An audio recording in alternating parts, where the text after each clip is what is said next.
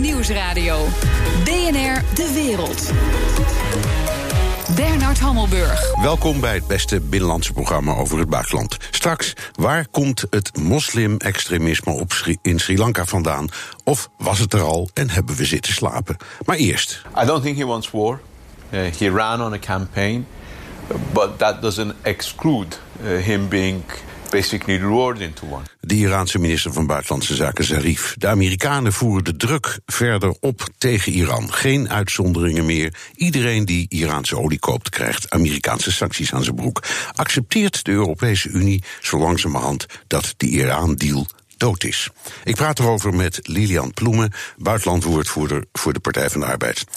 U bent, uh, als, ik, als ik nu tegen u zeg, uh, die Iran-deal, dat is gewoon verleden tijd. Bent u het me eens? Dat ben ik niet met u eens. Um, maar um, ik zie zeker natuurlijk de problemen. En laten we even zeggen zoals het is. Die problemen worden veroorzaakt door een wispelturige Amerikaanse president. die um, alleen maar voor het Amerikaans belang gaat. en dat belang ook nog eens misverstaat. een paar dagen geleden nog is vastgesteld dat Iran zich aan de voorwaarden voor de deal houdt. Dat maakt ze niet noodzakelijkerwijs een prettig land om zaken mee te doen. Maar uh, ik vind dat uh, Trump zich zeer onbetrouwbaar betoont door eerst uit die deal uh, te stappen zonder een reden. En nu um, uh, andere landen daarvoor um, straft eigenlijk. Ja, nou ja, zijn argumentatie is. ik heb wel degelijk een reden, zegt hij. Want het kan best zijn dat ze zich aan de letter van die deal houden. Maar um, ze hebben een raketprogramma, daar zijn VN-resoluties tegen, die overtreden ze. Uh, ze hebben inmiddels uh, zo ongeveer half Syrië bezet. Ze, ze, ze ondersteunen Hezbollah, ze ontwrichten de wereld. Uh, en dat alles maakt dat we dit soort dingen niet moeten doen. Dus dat is zijn redenering. Daar zit toch wel wat in. Nou ja, kijk, mijn redenering is dat uh, de president van de Verenigde Staten eigenlijk altijd de leider van de vrije wereld was. Een leider van een vrije wereld die een aantal waarden vertegenwoordigde, die resoluut optrad als dat nodig was, die iedereen, inclusief bondgenoten, tot orde kon roepen als we ons niet aan afspraken hielden. Maar deze uh, Amerikaanse president doet eigenlijk niets van dat al. Hij is uit de overeenkomst met Japan gestapt, een handelsovereenkomst en andere landen in de regio. Hij is uit het klimaatakkoord gestapt. Hij is uit deze Iran-deal uh, gestapt. En dat betekent dat wij ons als Europa natuurlijk wel moeten bezinnen op onze eigen rol. Als er een vacature is voor leider van de vrije wereld, dan moeten wij dat misschien zijn.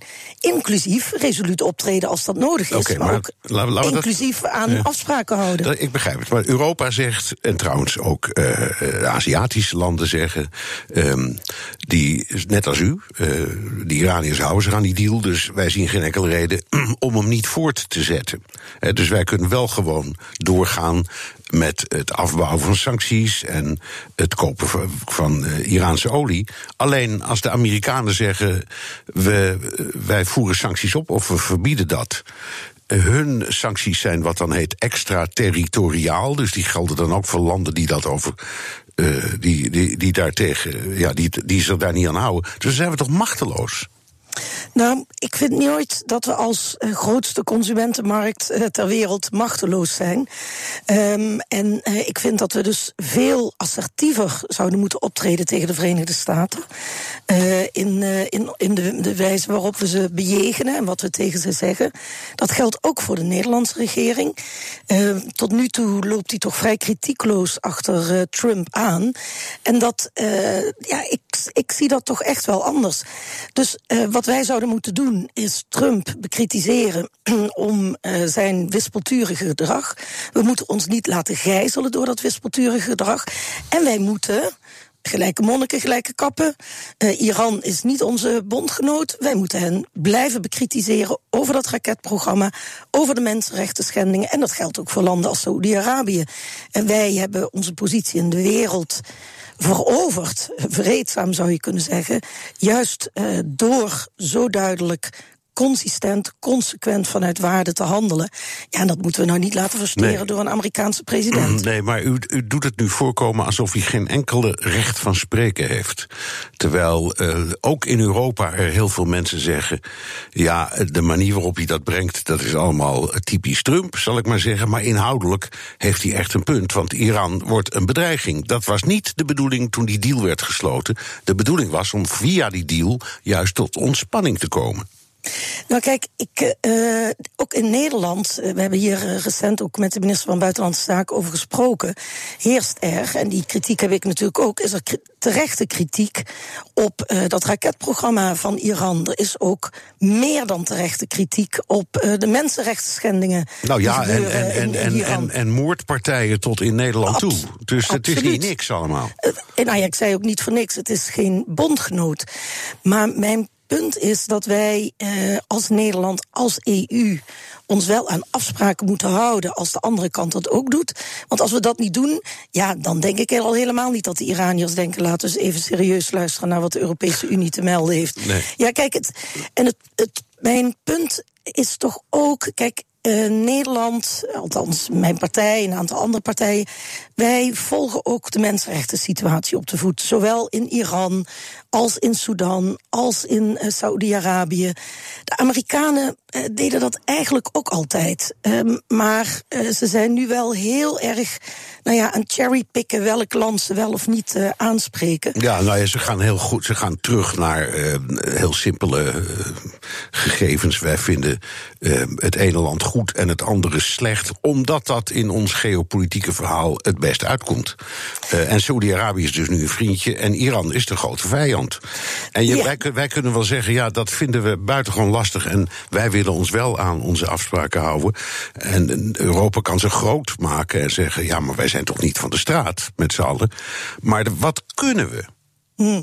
Kijk, uh, u raakt hier in uh, een kernpunt, uh, meneer Handelburg. Europa kan zich groot maken, maar Europa doet dat wat mij betreft onvoldoende. En dat geldt ook voor de Nederlandse regering. Um, groot maken betekent inderdaad positie innemen, die positie verdedigen. Ook een, een echte kritische dialoog onderhouden met die landen waar we kritisch op moeten zijn, waaronder Iran. Maar het betekent ook niet als een schoothondje achter president Trump aanlopen. En toen Trump het INF-verdrag opzei, het verdrag dat regelt dat middellange afstandsraketten niet gebruikt worden, verdrag tussen Rusland en Amerika.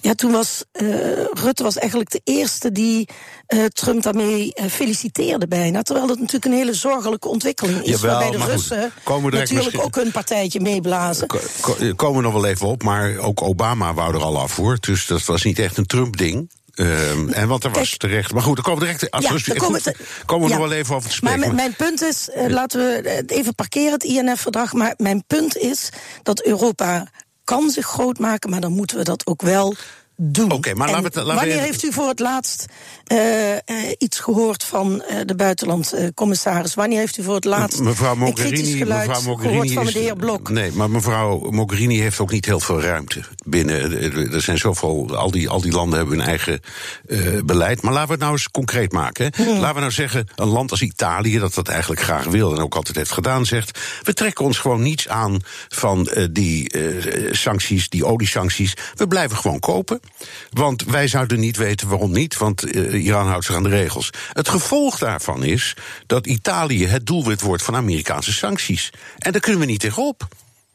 Ja, kijk, um, ik heb niet zoveel met Calimero denken. Uh, daar heb ik eigenlijk helemaal niks mee. Ik kom uit Limburg, waar we dat soms best wel uh, hadden, maar uh, ik, daar zijn we gelukkig vanaf. En ik vind dus ook dat we dat als Europese Unie niet moeten doen. Kijk, het is wel van belang en daar mankeert het echt wel een beetje aan. Dat moeten we onder ogen zien. we moeten natuurlijk veel eendrachtiger optreden. U zegt terecht, mevrouw Mogherini krijgt niet veel ruimte, ze neemt ook niet veel ruimte.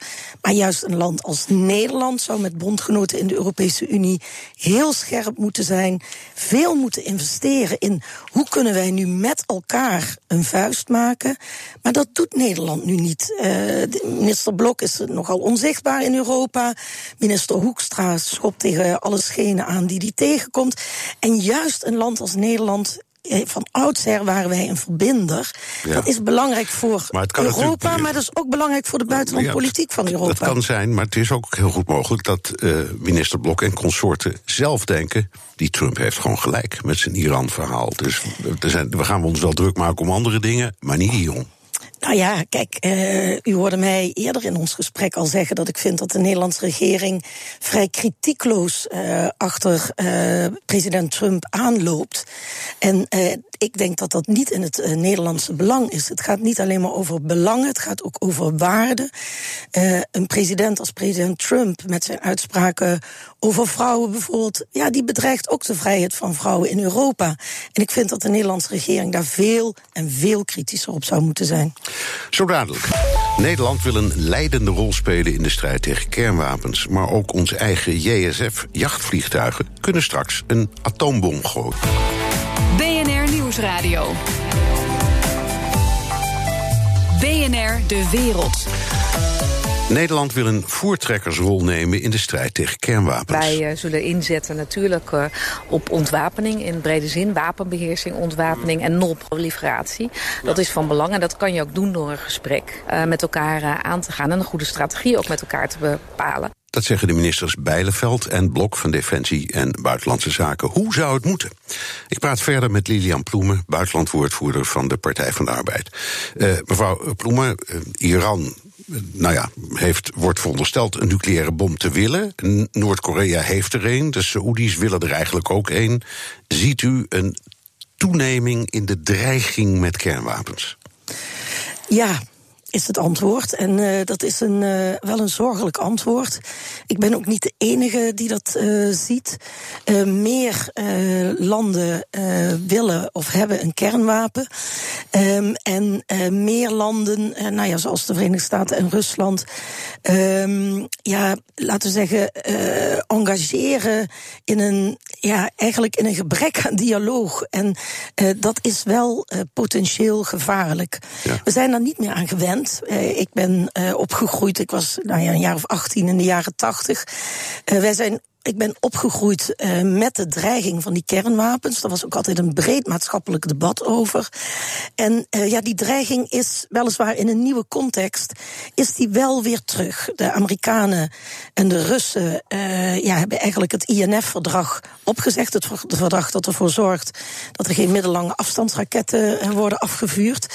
Ja, en dat betekent eigenlijk een nieuwe situatie die ja. bedreigend is, maar die ook weer Laat, Laten we het even oppikken, want we hadden het daar straks ook al over. Ja. En we zeiden, we komen erop terug, gaan we dus nu even doen. Dat INF-verdrag, dat was een, een verdrag dat voorzag in het niet meer gebruiken of buiten werking stellen van van land af gelanceerde raketten. Um, en dat hebben de Amerikanen opgezegd, dat wilden ze al een hele tijd. Omdat ze zeggen, ja, de Russen zijn in stiekem eerst stiekem en daarna min of meer openlijk begonnen met de ontwikkeling van een hele nieuwe generatie. En nou lopen we achter. En hun tweede argument is, ja, dat verdrag werd gesloten toen, toen China nog geen rol speelde. Inmiddels is dat wel zo, dus we moeten nu met z'n allen. Daar zit toch wat in. Nou, uh, dat eerste argument, hè, de, schending van het verdrag uh, door de Russen, dat, dat wordt ook door minister Blok bevestigd. Nederland heeft daar eigen bronnen aan. Ik geloof dat daar ook wel consensus over is dat dat zo is.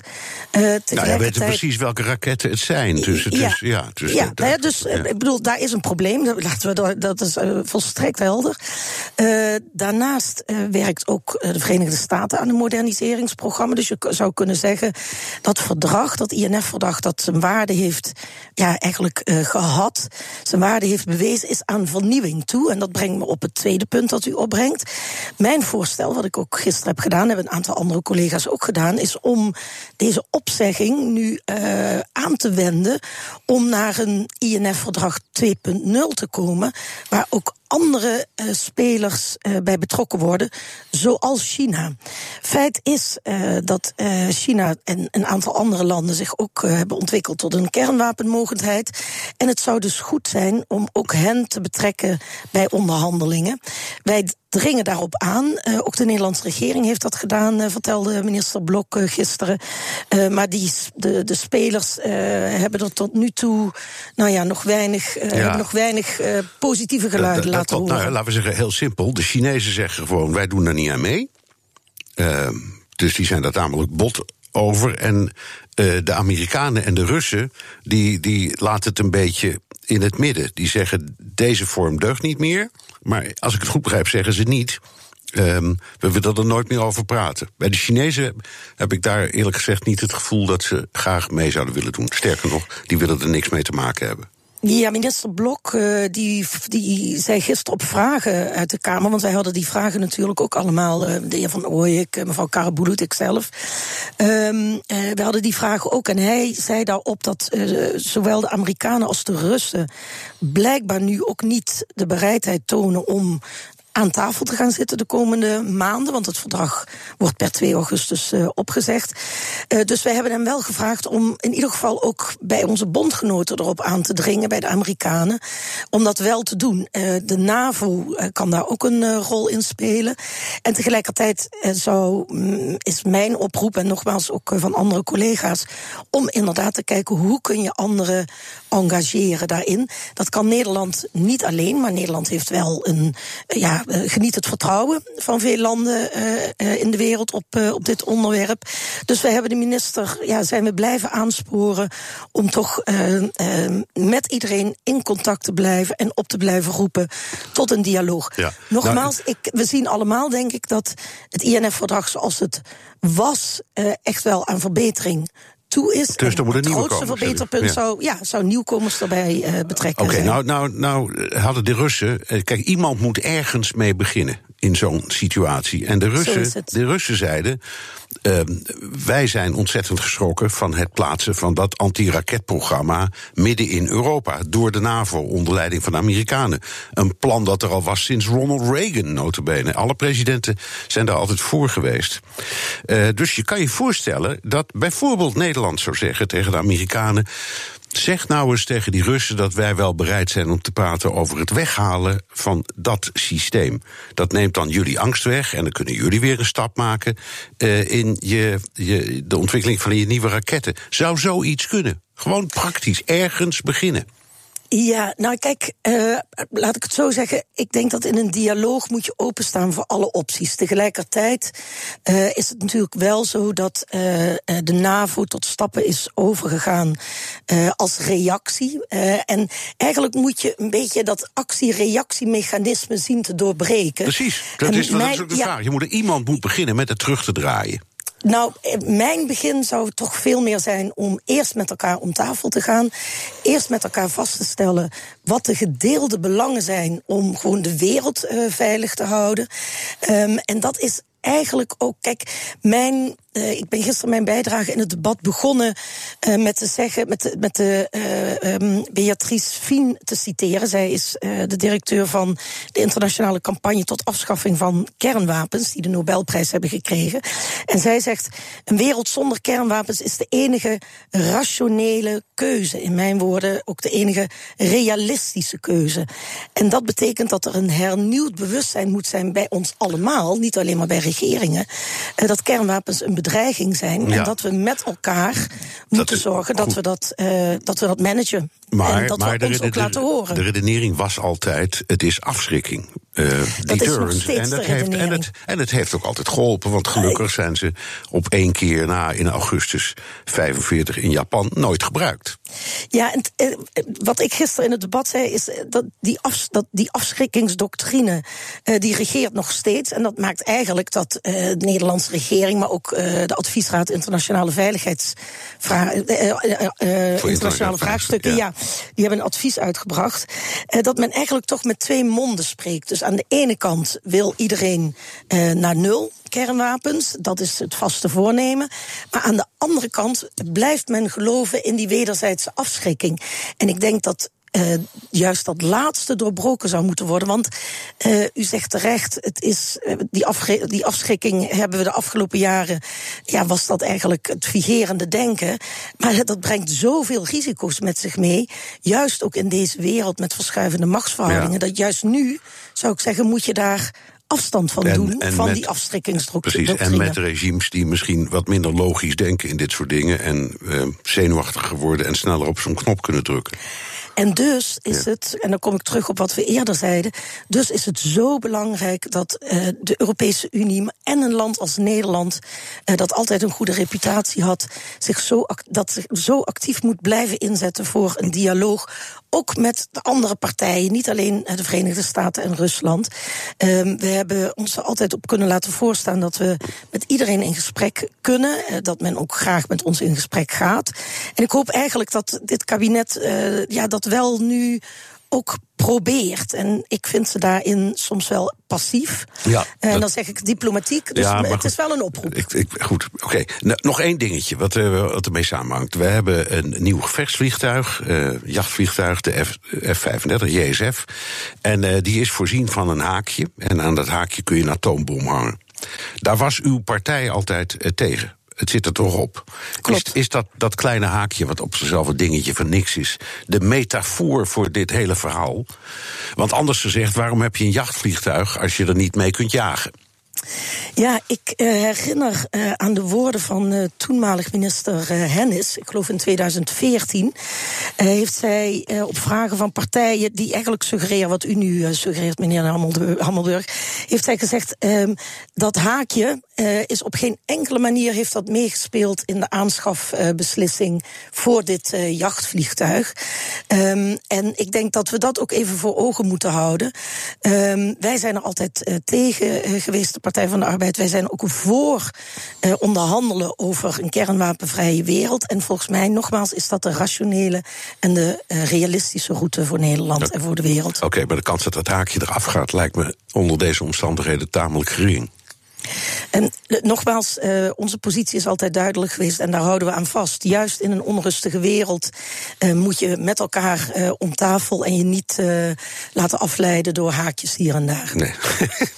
Oké, okay, dank. Liliaan Ploemen, buitenlandwoordvoerder voor de Partij van de Arbeid. BNR Nieuwsradio. BNR De Wereld. Bernard Hammelburg. In Washington smult het Mueller-rapport nog na. The Donald Show. Tijd voor een nieuwe Donald Show met onze correspondent Jan Posma vanuit Washington. Jan, de Democraten zijn een week na Mueller nog steeds op zoek naar meer duidelijkheid. Maar Trump gaat dat niet geven, begrijp ik. Nee, nee, eh, Trump is uh, zeer strijdbaar, mag je wel zeggen. Uh, via tweets natuurlijk, maar ook juridisch gezien. zijn standpunt is heel slim eigenlijk. Hij zegt, we moeten nu door. Ik, ik wil me weer gaan richten op beleid, op het beter maken van de levens van Amerikanen. En Trump zegt, ja, die democraten die willen vooral een politiek spelletje spelen... en die verkiezingen winnen. En ja, daar heeft hij ook wel een punt in natuurlijk. En hij is dus behoorlijk hard tegen die democraten en verzet zich ook heel hard. We're fighting all the subpoenas. Look, these aren't like impartial people. The Democrats are trying to win 2020. They're not going to win with the people that I see. The only way they can luck out is by constantly going after me on nonsense.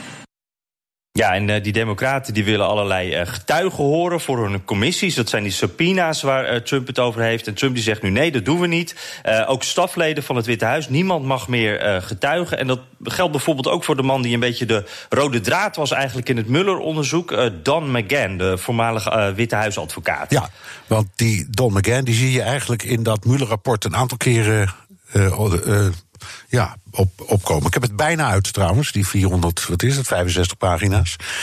Nou, dus, dus zijn wij ongeveer op hetzelfde stuk. Ik zit ook op iets van, uh, ja. Dus, vertel. Ja, nee, uh, dat, dat, eh, rapport leest lekker weg trouwens. Maar uh, het zijn er wel flink wat gevulde pagina's. En de voetnoten zijn net zo interessant. Dus dat maakt het dan allemaal wat, wat langer om echt goed te lezen.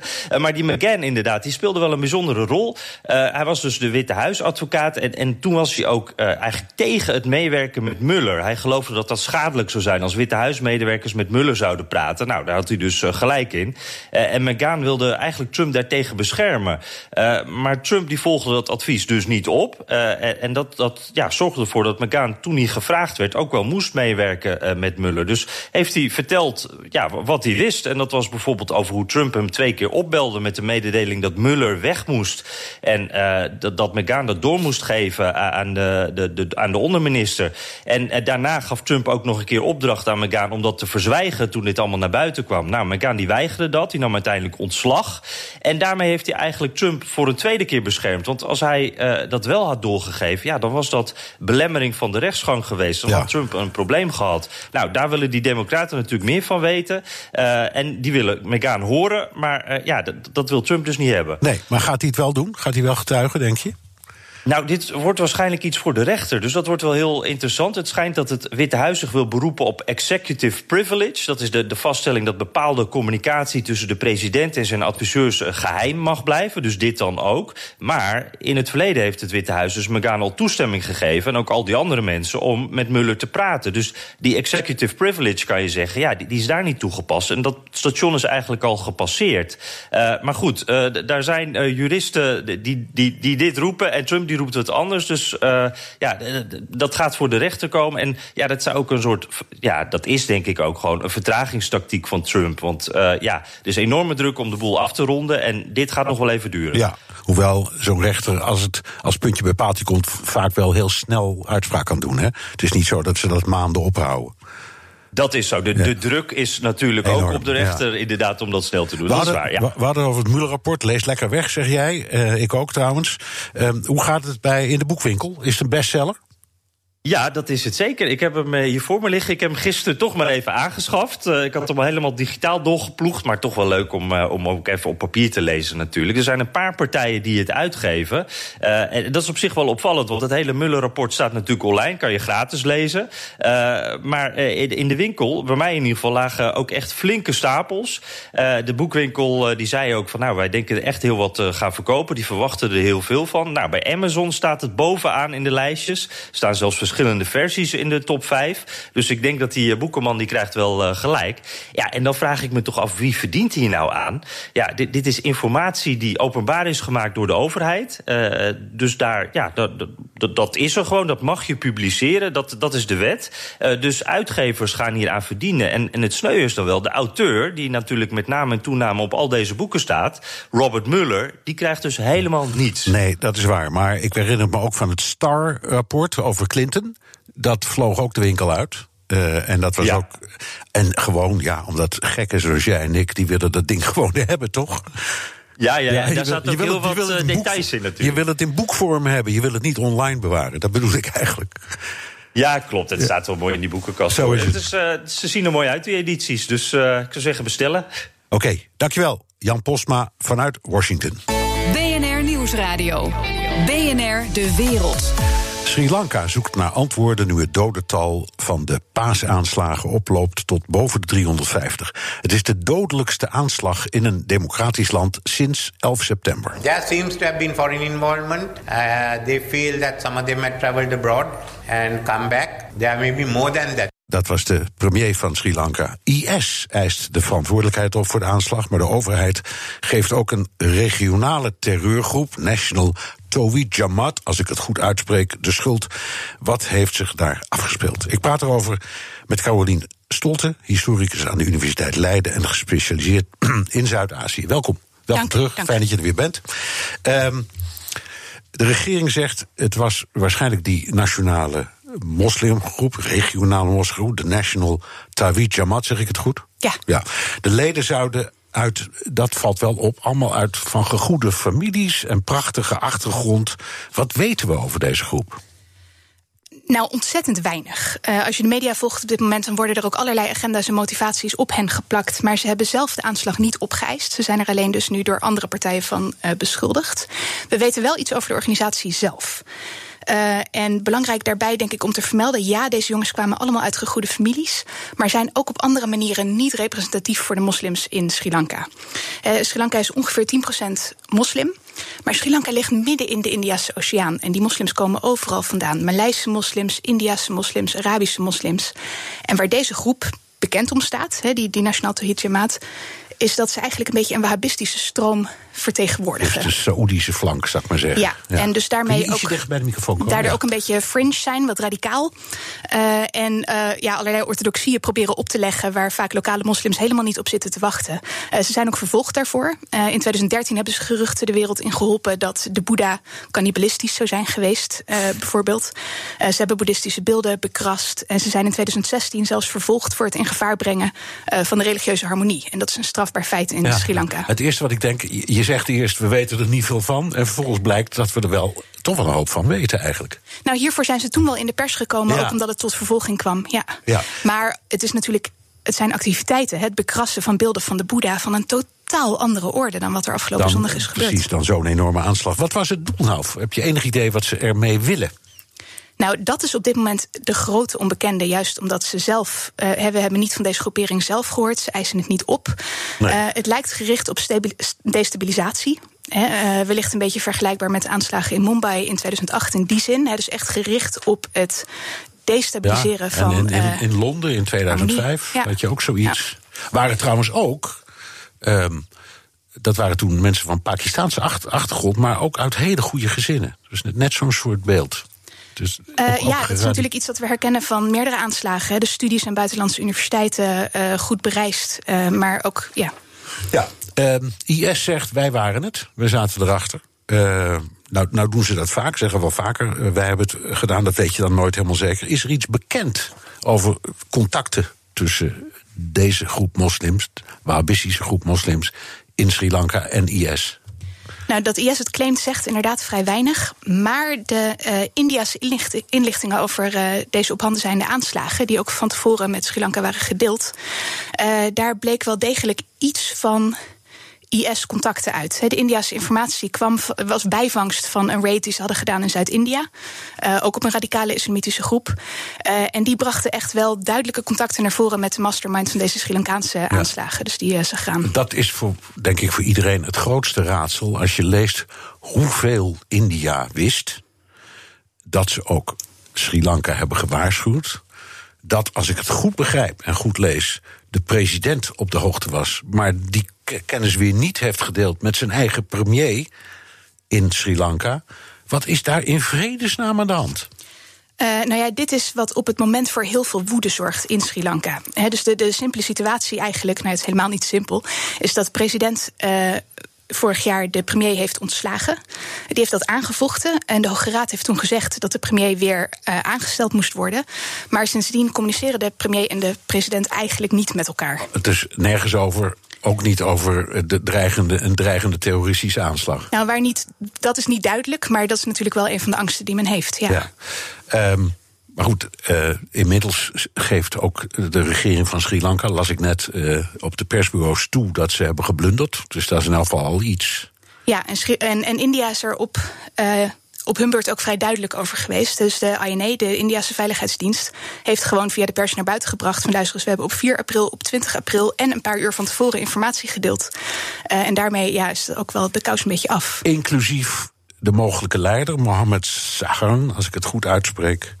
Uh, die al jaren als haatprediker bekend stond. Dat hebben ze ook gedeeld. Dat Indië, in, nou, de Indiase geheime dienst heeft die informatie ook gedeeld met de niet zo communicatieve president van Sri Lanka, zal ik ja, maar zeggen. Die, die prediker Hussein is juist, uh, Hashim, hij is juist de link. En dus van hem is duidelijk dat hij contact had ook met die Indiase groep die uh, was opgerold in die raids. Uh, er is videomateriaal van hem gevonden, speeches waar hij ook probeert in Sri Lanka te recruteren. Uh, en documenten ook die bewijzen dat hij door smokkelaars ook tussen India en Sri Lanka heen en weer is gebracht. Ja, um, de, het, vertel even in een paar woorden over Sri Lanka zelf. Want als je daar naar kijkt, ook de geschiedenis bekijkt destijds van de burgeroorlog, dat is toch ook een, een bolwerk van haat tussen Hindoes, Boeddhisten, klaarblijkelijk ook moslims of sommige moslims en christenen. Uh, ze presenteren zichzelf nu als een multiculturele samenleving. Is dat waar? Of is het één bolwerk van haat? Nee, ik zou absoluut nooit zeggen dat het een bolwerk van haat is. En je ziet dat ook op dit moment op de grond in Sri Lanka. Er zijn eindeloze rijen vrijwilligers die bloed doneren. Uh, dat heeft allemaal niks met gemeenschap of etnische lijnen te maken. Dat zag je ook na de tsunami. Het is echt een hele pluriforme staat. Met dus, een, dus dat is wel degelijk gelukt na die afschuwelijke burgeroorlog. Ja, alleen de Tamils. De, Ja, alleen de, de balans tussen verschillende groepen blijft precair. Ja. En zeker met die oorlog in het En- hele recente geheugen. En dan bij zoiets krijg je, dan nemen die spanningen ongetwijfeld weer toe. Nu, nu, nu heeft Sri Lanka de, de sociale media geblokkeerd. Misschien uit angst voor herhaling of zo. Ehm, is er inderdaad kans dat er. Ja, dat is een rare vraag natuurlijk, want we willen dat niet. Maar bestaat er een kans dat er opnieuw geweld uit zou kunnen breken?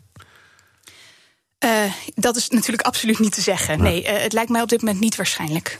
Nee, dus, want de, de, de reactie van het hele volk is zo geschokt Ja. dat je denkt, nee.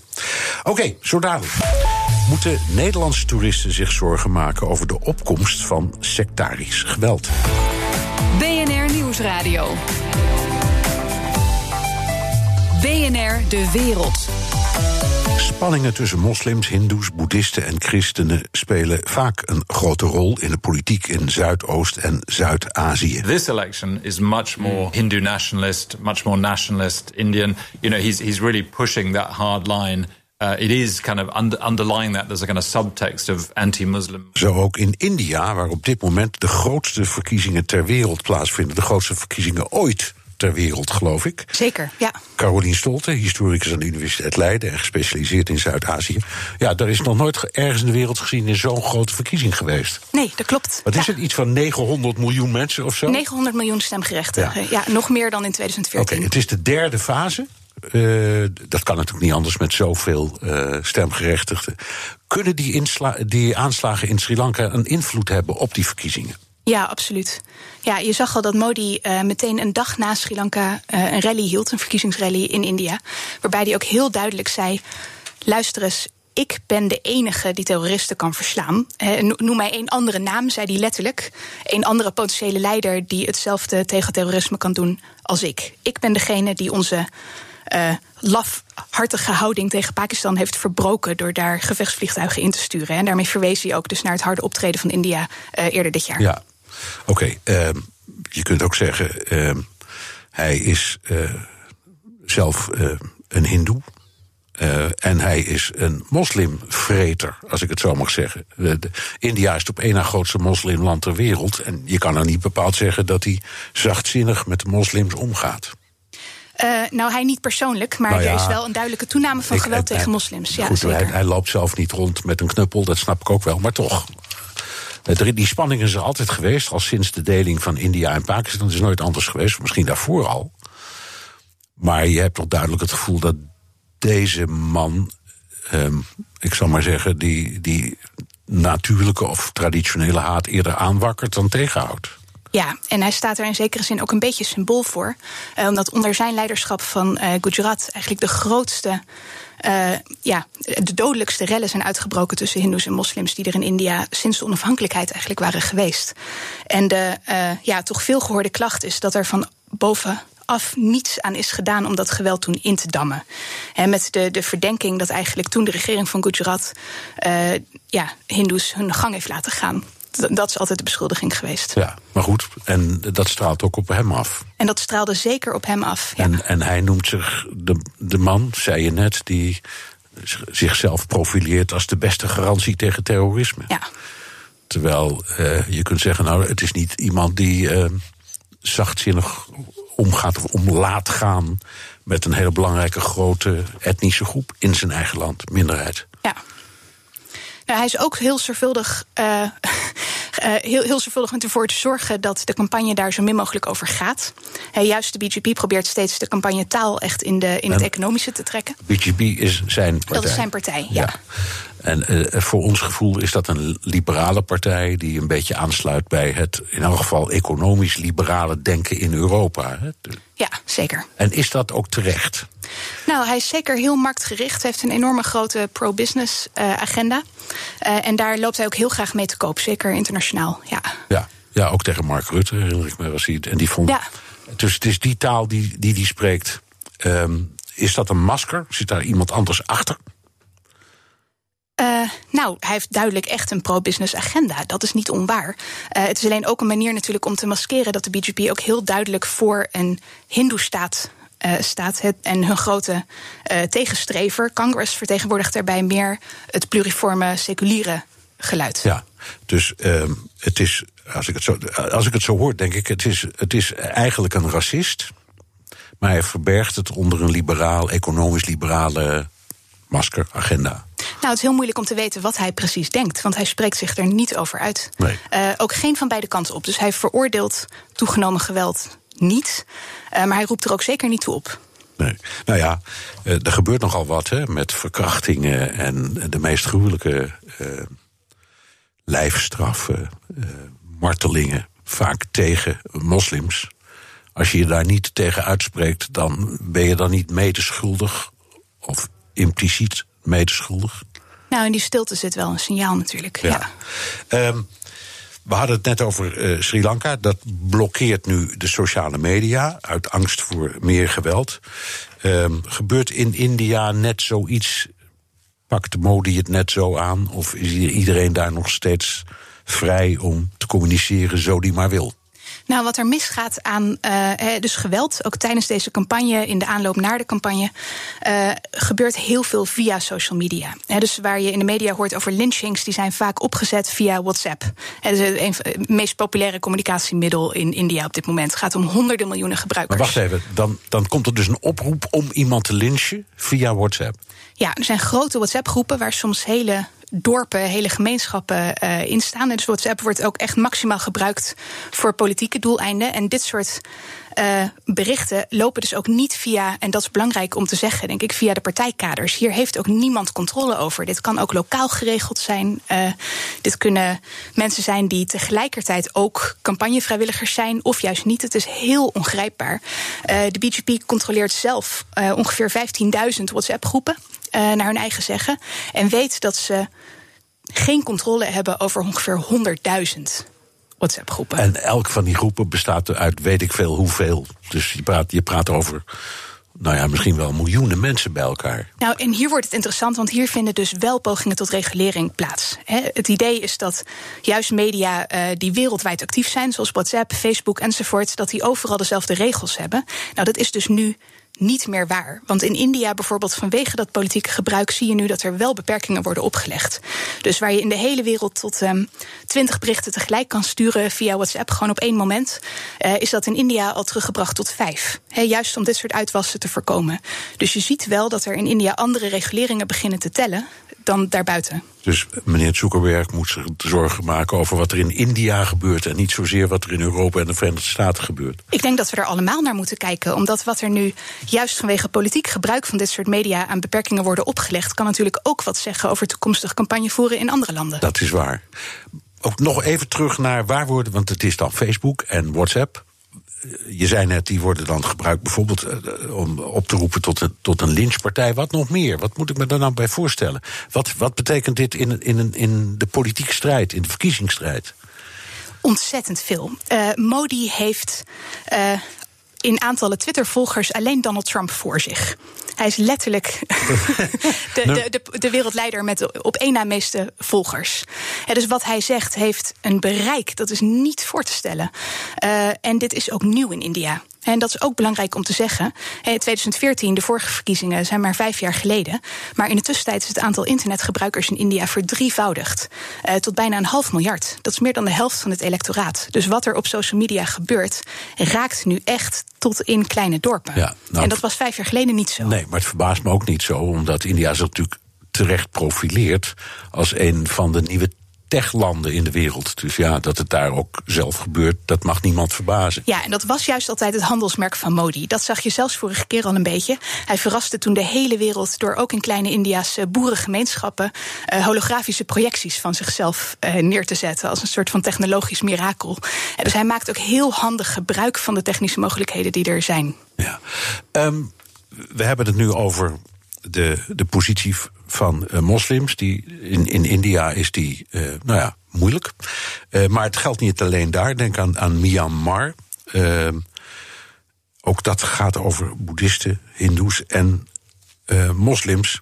Is er een soort trend, anti-moslim trend in Zuid- en Zuidoost-Azië aan de gang?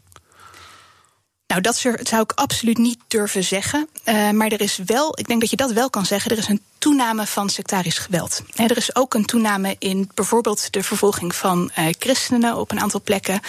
Minderheden komen in de hele regio op dit moment meer in het gedrang dan ze in lange tijd zijn geweest. En komt dat door politici zoals Modi, die je zegt het zelf niet doen, maar ook niet ingrijpen? Is dat hetzelfde mechanisme dat je in de hele regio ziet?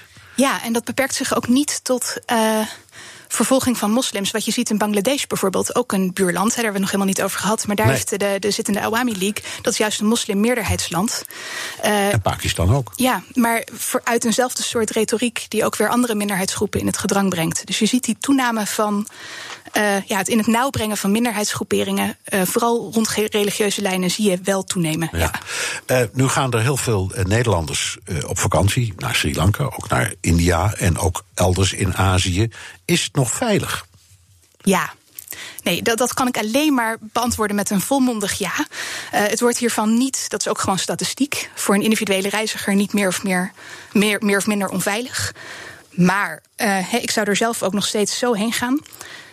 Ik zou alleen een oproep willen doen aan iedereen. Graag geïnformeerd op reis. Ja, waar, moet, waar moet ik als ik naar ga dan informeren?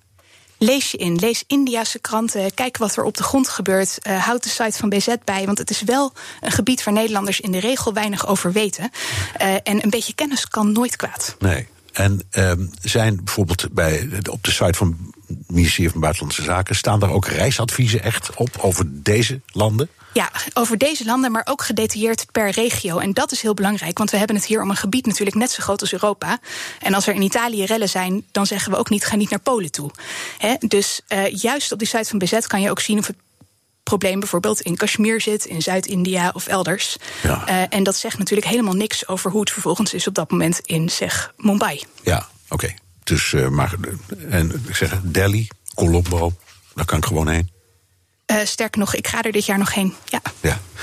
Heel veel plezier alvast. Dank. Uh, Carolien Stolte, historicus aan de Universiteit Leiden en gespecialiseerd in Zuid-Azië. En tot zover BNR De Wereld. Terugluisteren kan via de site, de app, iTunes of Spotify. Elke zaterdag beantwoord ik op bnr.nl vijf vragen over een actueel thema. Hebt u een onderwerp? Stuur dan een tweet naar @bnr of mail naar onlineredactie@bnr.nl.